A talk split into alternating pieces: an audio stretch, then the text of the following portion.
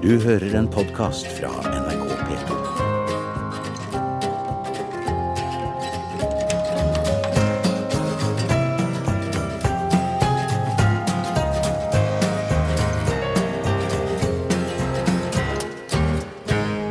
Jeg heter Eskil Rønningsbakken, og jeg er balansekunstner.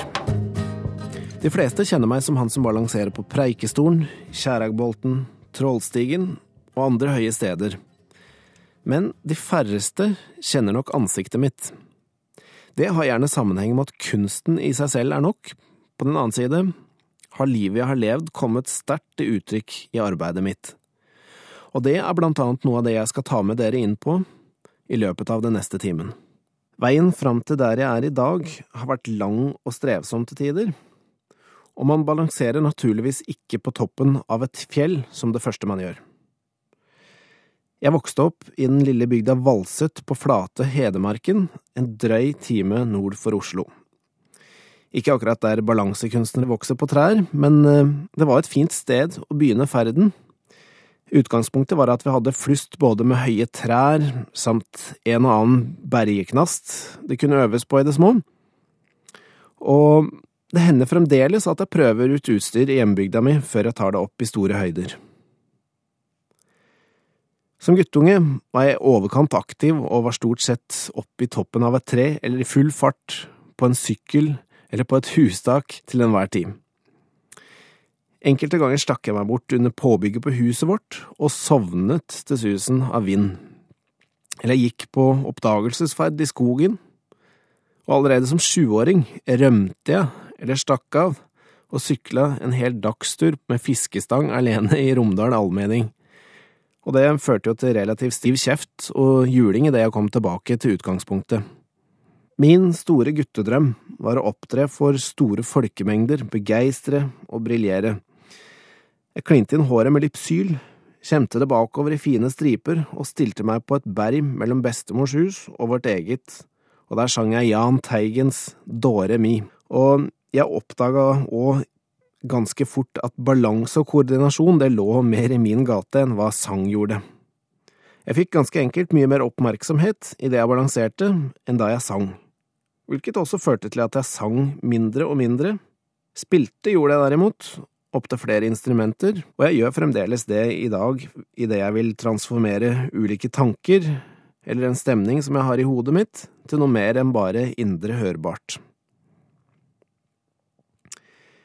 I barndommen ble familie og venner stadig vekk dratt inn i mine små sirkusforestillinger, og alt utstyr ble laget for egen maskin, ettersom faren min hadde snekkerverksted på gårdsplassen.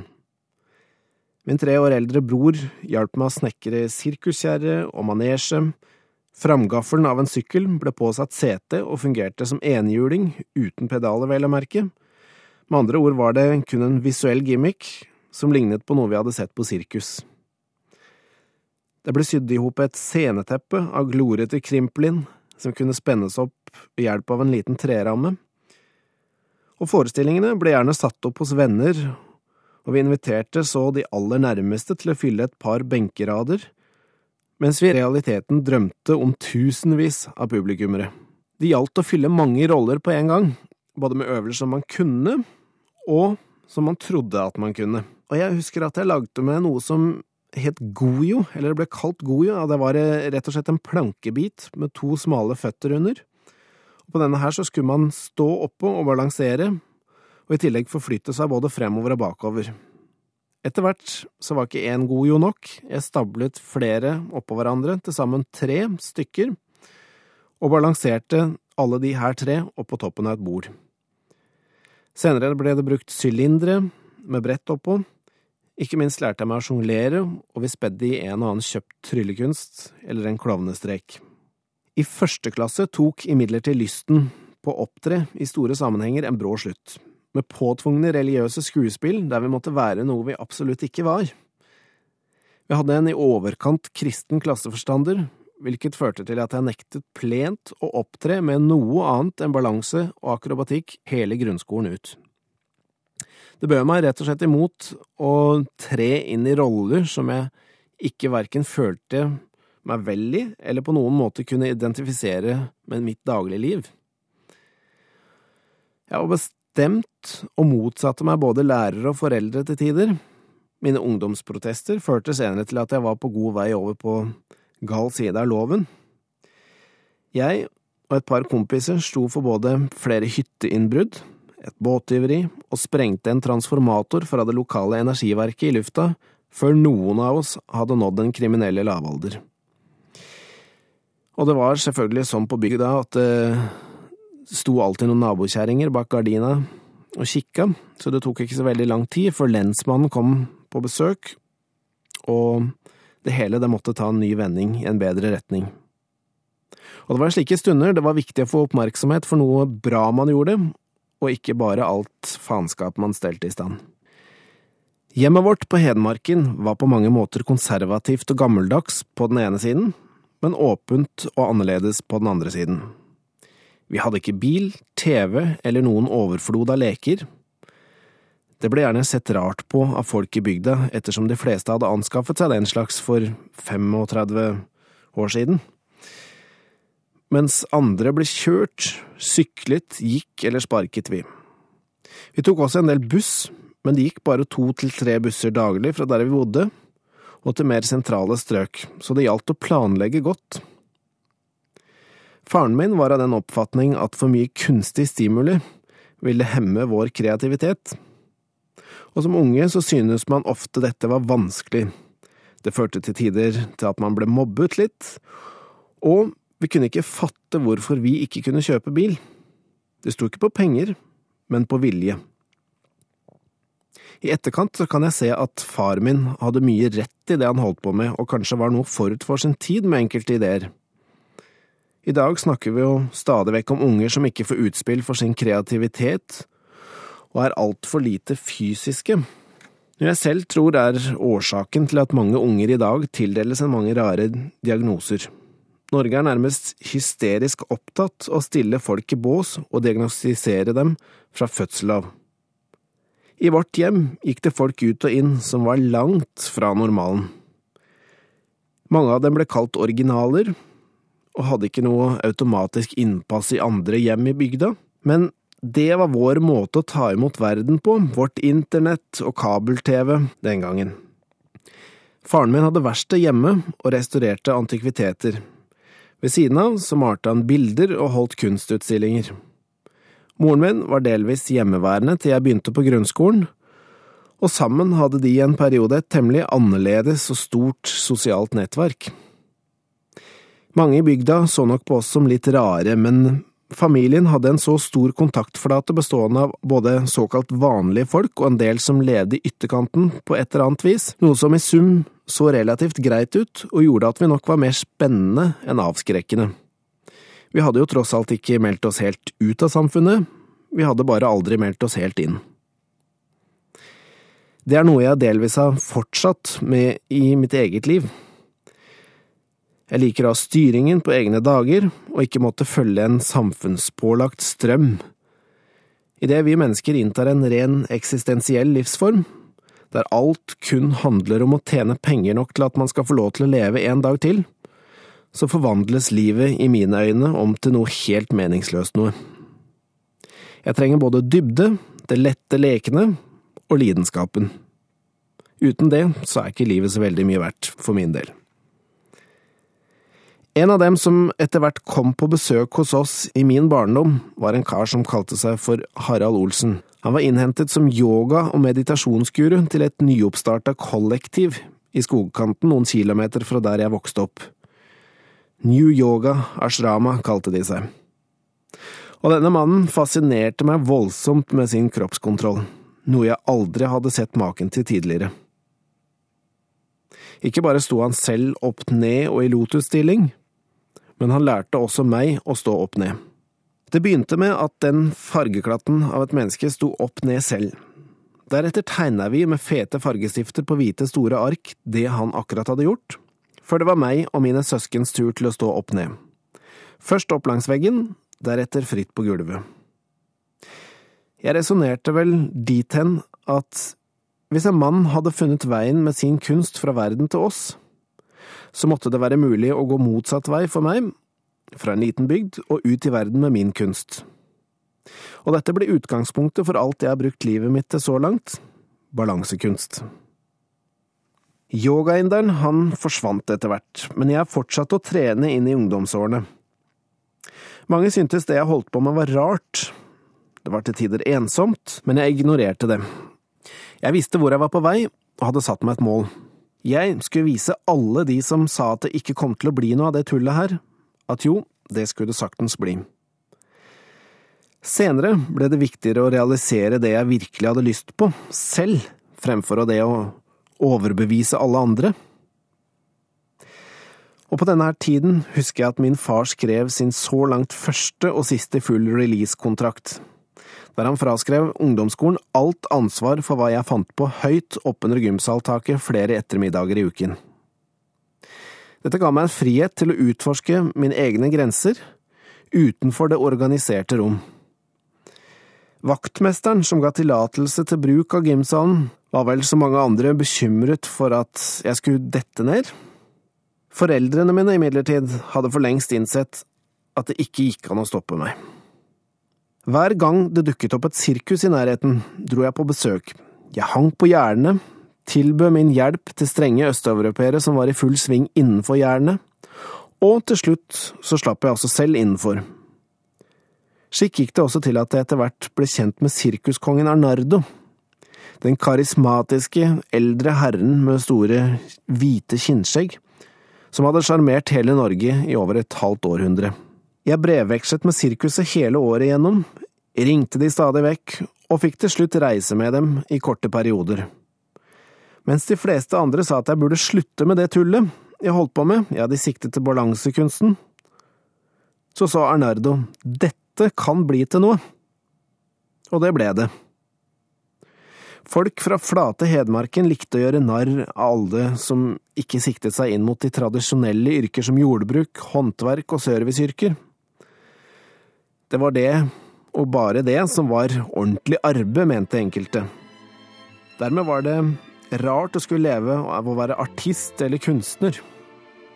Vi skal høre Reodors ballade med Sigmund Groven, det synes jeg er en fin refleksjon på bygdelivet. Som 16-åring flytta jeg på hybel i Elverum, og begynte på møbelsnekkerlinje der. Vi har mang en snekker i familien, og det var på en måte mitt bidrag til familienæringen, selv om jeg var helt sikker på at jeg aldri kom til å bli noen snekker på heltid.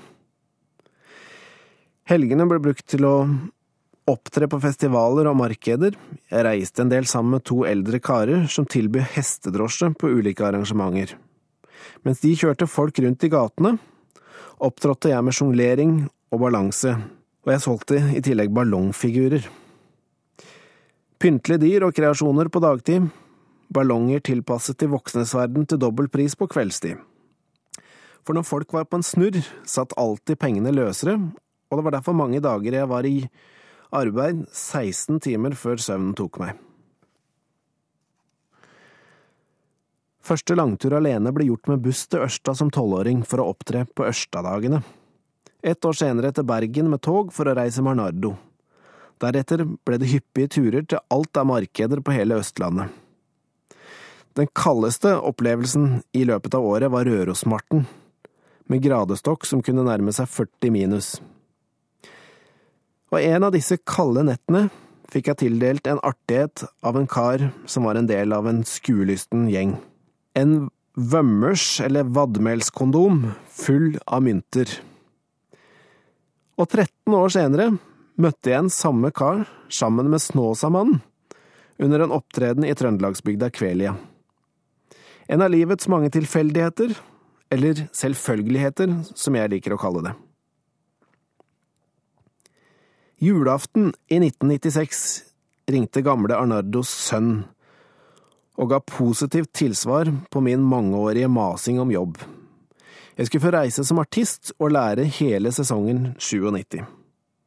Møbelsnekkerskolen ble avsluttet brått, og jeg la meg i ekstra hard trening før sesongstart. En dag i mars var guttedrømmen et faktum. Jeg skulle bli artist for alvor, og de neste seks månedene besøkte vi om lag 150 fotballbaner og torg rundt om i hele Norge. Boligen min var den ene halvdelen av en bengalakkmalt Moelven-brakke montert på et Mercedes Hanomag chassis med førerhytte, og sjåføren var en polakk med konstante fyllenerver som aldri hadde vært i Norge før. Sammen var vi i stand til å miste sirkuskolonnen stadig vekk, fomlende med kart, ferge og bombilletter, som for det meste ble altfor kostbare. Og den rustne lastebilen den ble fulgt opp av dieselrøyk og kuldegrader hele våren og høsten gjennom. Både kroppen og selvsikkerheten vokste dag for dag med sirkuset. Jeg ble fort voksen, men det gikk ikke en dag uten at jeg trippet nervøs bak rytterinngangen i min røde fløyelskostyme, som var sydd av min søster. Litt nervøs skal man alltid være for å skjerpe seg 100% sa direktøren. Avisene omtalte meg som ung og sjarmerende til midt inn i sesongen. Da fylte jeg 18 år og var blitt fritt vilt. Jeg kunne kritiseres av hvem som helst, og slik merket jeg også at jeg var på vei inn i de voksnes kyniske verden for alvor. Men stort sett var publikum begeistret, det var alt fra et par hundre i antallet til tusen som jublet og grøsset om hverandre hele forestillingen igjennom. Jeg startet rolig, i mørket, med noen lysende kuler, til musikk av Bach og i nummerets høydepunkt så var jeg plassert på en pidestall med en rullende sylinder under beina mens jeg sjonglerte brennende fakler til kapellmester Tuburskis trommevirvler. Etter seks måneder var vi i mål med turneen, og jeg rørte ikke en sjongleringsball på en måneds tid. Det var vanskelig å komme tilbake til bygda etter å ha reist med folk fra hele verden i et halvt år og kjent adrenalinet pumpe i kroppen hver eneste kveld. Etter Arnardo-turneen søkte jeg meg inn på skoler i England, Frankrike og Tyskland. Jeg kom inn på flere, men valgte Staatliche Artistenschule i Berlin. Jeg begynte på tysk skole, og bare noen år tidligere hadde jeg blitt kasta ut fra tyskklassen på ungdomsskolen fordi jeg virket demoraliserende på resten av klassen. Jeg hadde kommet i skade for å spørre læreren når vi skulle begynne med tysk, etter å ha sunget Seemann, Lille Marlene og Ein bisschen Frieden i et halvår. Måten eh, den ugreie tenåringen la frem budskapet på, falt nok ikke helt i god jord. Skolen i Tyskland var rester av tidligere kommunisme og DDR, der pisken ble svingt relativt stramt fremdeles. Det var noe annet enn norske gymsaler. Jeg oppsøkte dem med ønske om å lære. Man ble belønnet med å ikke få kjeft de gangene man gjorde noe bra, og de gangene det gikk galt, ble det straffet med en runde i et klatretau eller en fik med en innebandykølle i ny og ne. De forberedte oss på alle mulige situasjoner, og man ble plukket fra hverandre bit for bit, før de bygget oss opp igjen med kunnskap som kunne leves og bygges videre på. Skolen praktiserte en form for tidlig reality, der man måtte vise til bedre resultater hvert eneste kvartal. Den som ikke opptrådte tilfredsstillende, ble kasta ut. Etter to år var vi gått fra tolv til fem elever, og jeg var fremdeles blant de utvalgte. Berlin var stort og spennende. Dit kom alle nye trender, verdens største utstillinger, shows og moter. Rett og slett et sted der verden åpnet seg for alvor. På kveldstid jobbet jeg ved en nattklubb som het La Vienne Rose, der opptrådte jeg som slangemenneske og komprimerte kroppen min ned i et akvarium med kun 35 cm høyde. Jeg var sannsynligvis den mest påkledte av alle i den settingen, ettersom det ikke var noe automatikk i å stille i tanga for en hedmarking, selv om det ble noe varmt i lokalet. Jeg opptrådte konsekvent i bukse og skjorte, med nytillærte dansebevegelser som skulle gjøre presentasjonen min mer elegant.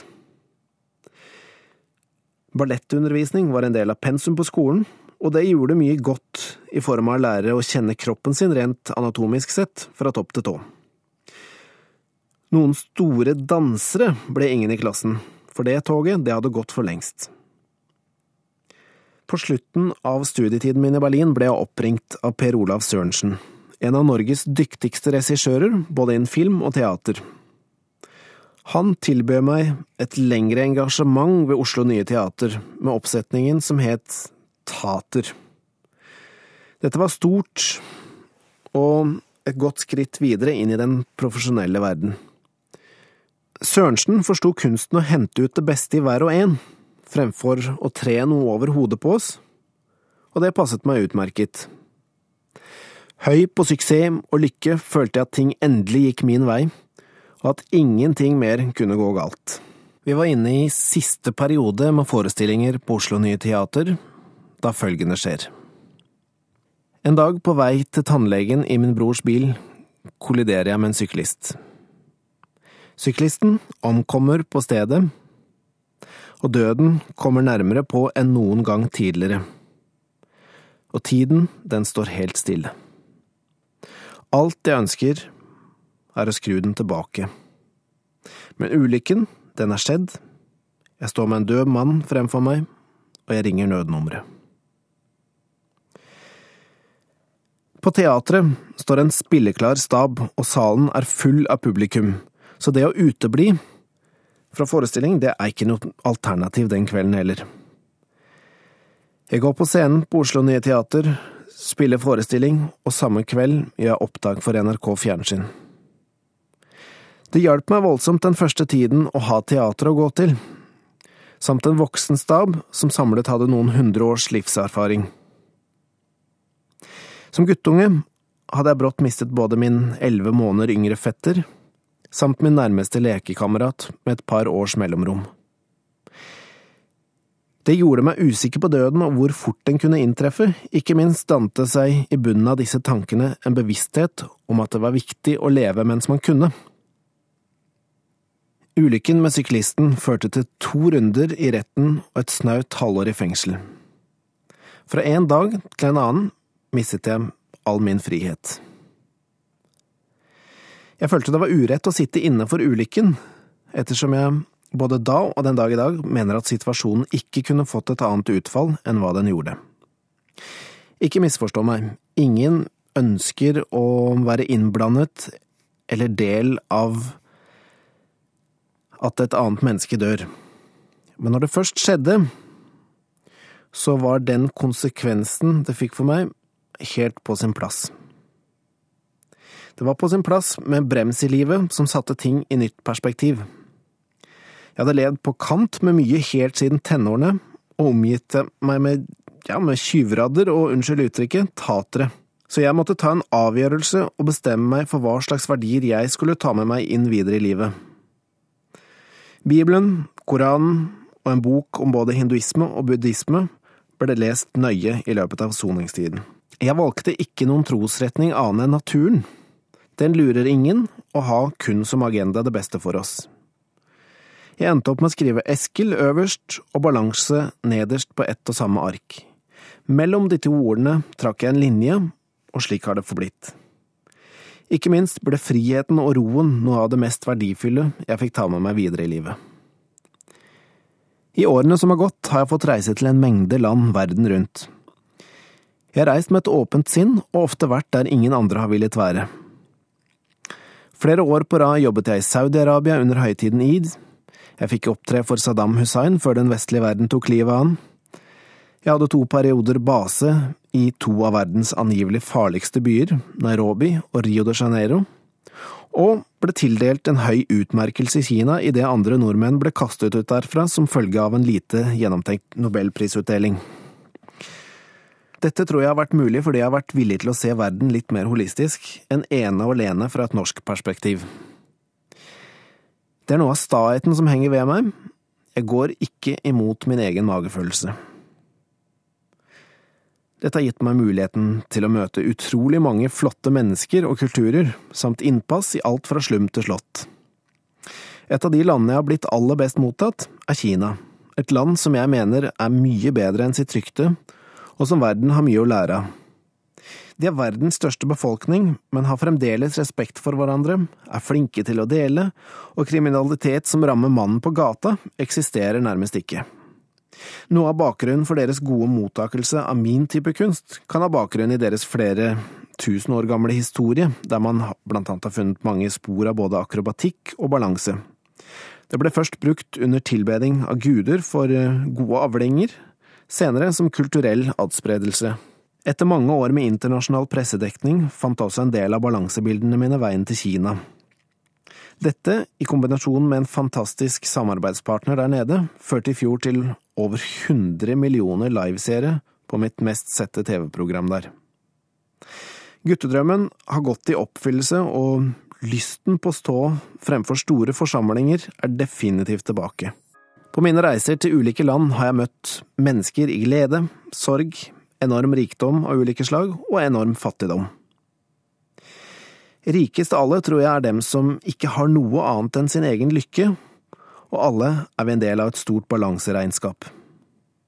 Og nettopp derfor tror jeg også at det jeg holder på med, appellerer til mennesker på ulike plan. Det er en billedliggjøring og refleksjon på selve livet. Døden er så nære, samtidig som man lever 100% En hårfin grense å kontrollere, og som krever årelang både fysisk og mental trening. Jeg begynner alltid ethvert prosjekt på bakkenivå, og flytter meg steg for steg sakte, men sikkert oppover. Jeg ser først for meg et sted, eller en location, samt en handling som kan tilføre naturen noe som den ikke har fra før. Sammen vil disse her to elementene skape kunst. Deretter drar jeg fysisk til stedet og måler opp avstander, festepunkter, og planlegger før jeg reiser hjem. Det bygges en rigg ut fra hva jeg mener vil se spektakulært ut, og hva som visuelt vil sette mennesket i en sårbar situasjon, omgitt av den store naturen. Jeg trener på riggen, ofte må den justeres flere ganger underveis, og idet den er optimal, plasseres den utfor en kant på bare en meter eller to. Der begynner den reelle mentale treningen, og jeg må allerede her forestille meg selv at jeg er høyt over bakken, og at det er farlig. Jeg forbereder slik hjernen og kroppen på den reelle faren som er til stede under store høyder. Det er viktig å jobbe ekstremt disiplinert og ikke gå videre før en opererer helt feilfritt. Deretter følger gjerne måneder med trening steg for steg, stadig høyere. Det fysiske og det mentale går alltid hånd i hånd, og man må være flink til å skru av og på brytere.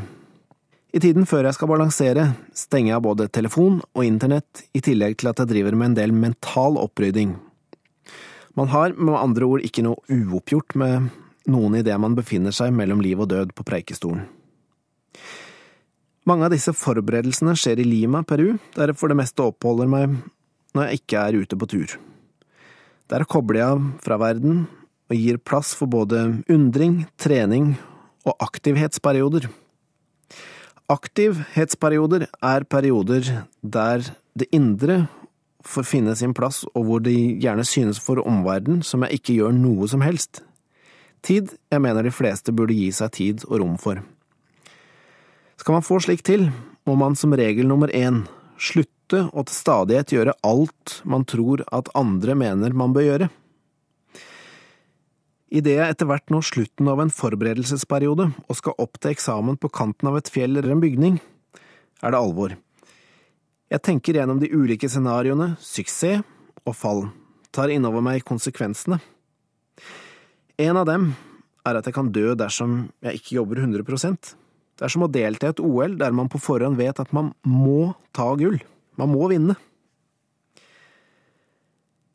Idet jeg så går inn i det jeg kaller konsentrasjonsrommet mitt, et rom som kan beskrives på størrelse med én til tre kubikkmeter, er alt hørselsmessig som susing mellom to radiostasjoner, og synet blir som å sette kamera på portrett og trykke utløseren halvveis inn.